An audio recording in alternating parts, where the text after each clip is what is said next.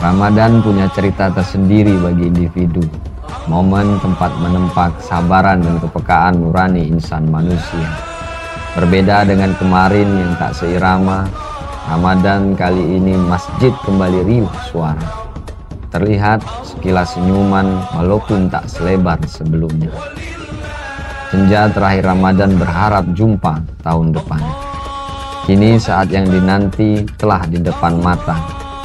Hari raya adalah simbol hangatnya kumpul keluarga. Waktunya melepas rindu untuk bersua bersama yang tercinta. Mari rendahkan diri dan lapangkan dada untuk saling memaafkan sesama.